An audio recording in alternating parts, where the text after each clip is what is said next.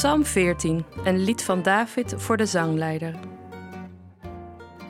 Mensen zonder verstand denken: er is geen God. Die mensen doen verschrikkelijke dingen, ze zijn alleen maar slecht.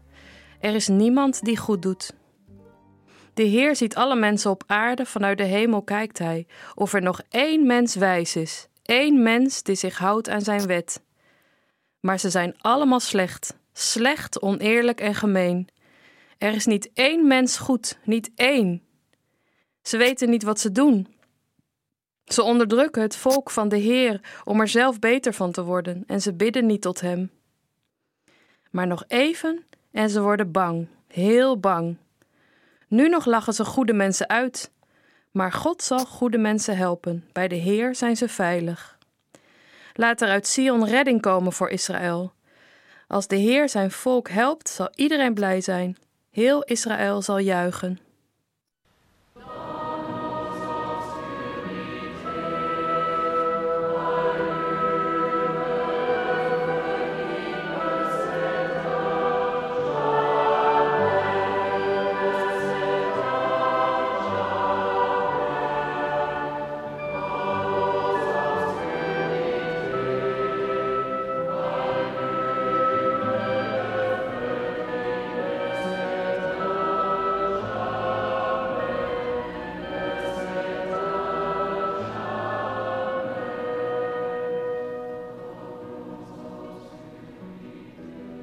Een collega zat een keer aan tafel en toen stelde zijn vijfjarige zoontje de vraag: Bestaat God eigenlijk nog?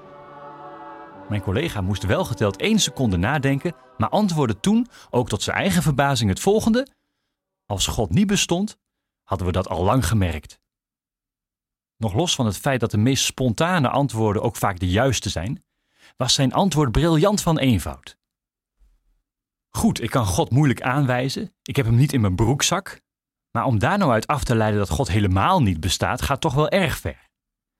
Toch moet je de mensen de kost geven die juist op deze wijze ongelovig zijn. Als God bestaat, wil ik een teken. Dan wil ik een bliksemschicht in mijn slaapkamer of ik wil de lotto winnen. Als God niet bestond, zouden we dat al lang gemerkt hebben. Ik merk iets van God in de mensen om me heen. Mensen die zeggen in God te geloven en voor wie het inspirerend werkt. Ik zie het in de kracht van de natuur, dingen in mijn eigen leven die net iets te toevallig zijn. Is dat een feit, een hard feit, een absolute zekerheid? Nee, het is een vertrouwen. Maar ook weer niet helemaal een sprong in het diepe. En ik merk inderdaad genoeg van God om het vol te houden. De veertiende psalm begint als volgt: Mensen zonder verstand denken: er is geen God. Dat is opvallend, want wij redeneren juist het omgekeerde vandaag de dag. Als je echt hersens hebt, dan geloof je niet in God. Dan geloof je niet in de sprookjes van de Bijbel.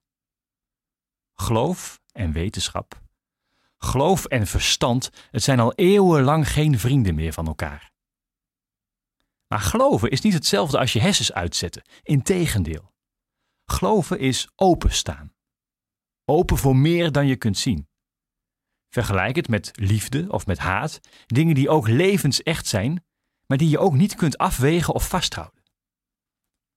Als je genoeg denkt te hebben aan je eigen verstand, aan je eigen mogelijkheden, dan wens ik je veel succes. Maar een leuke mens word je er denk ik niet van. En ook de mens met de meeste diploma's en titels komt op een gegeven moment op een punt dat hij het niet alleen kan, dat hij een ander nodig heeft. Daarom is geloven openstaan. Openstaan voor de ellende van de wereld, dat je die ziet en erkent, zoals ook in deze psalm gebeurt. En openstaan voor de hulp van anderen. De liefde van anderen, de steun van anderen, de vergeving van anderen, ook van God. Alleen kun je het niet. Alleen hoef je het niet. Tot slot, de evangelist Otto de Bruyne vertelde eens een prachtig verhaal van een Nederlandse diplomaat, een geleerd man, die was uitgenodigd door een Afrikaans staatshoofd. En deze Afrikaan nam hem op zondag mee naar de kerk en daar werd de Hollander aan de gemeente voorgesteld.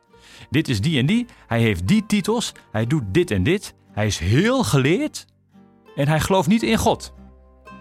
En de hele zaal lag dubbel van het lachen. zo slim zijn en dan niet in God geloven.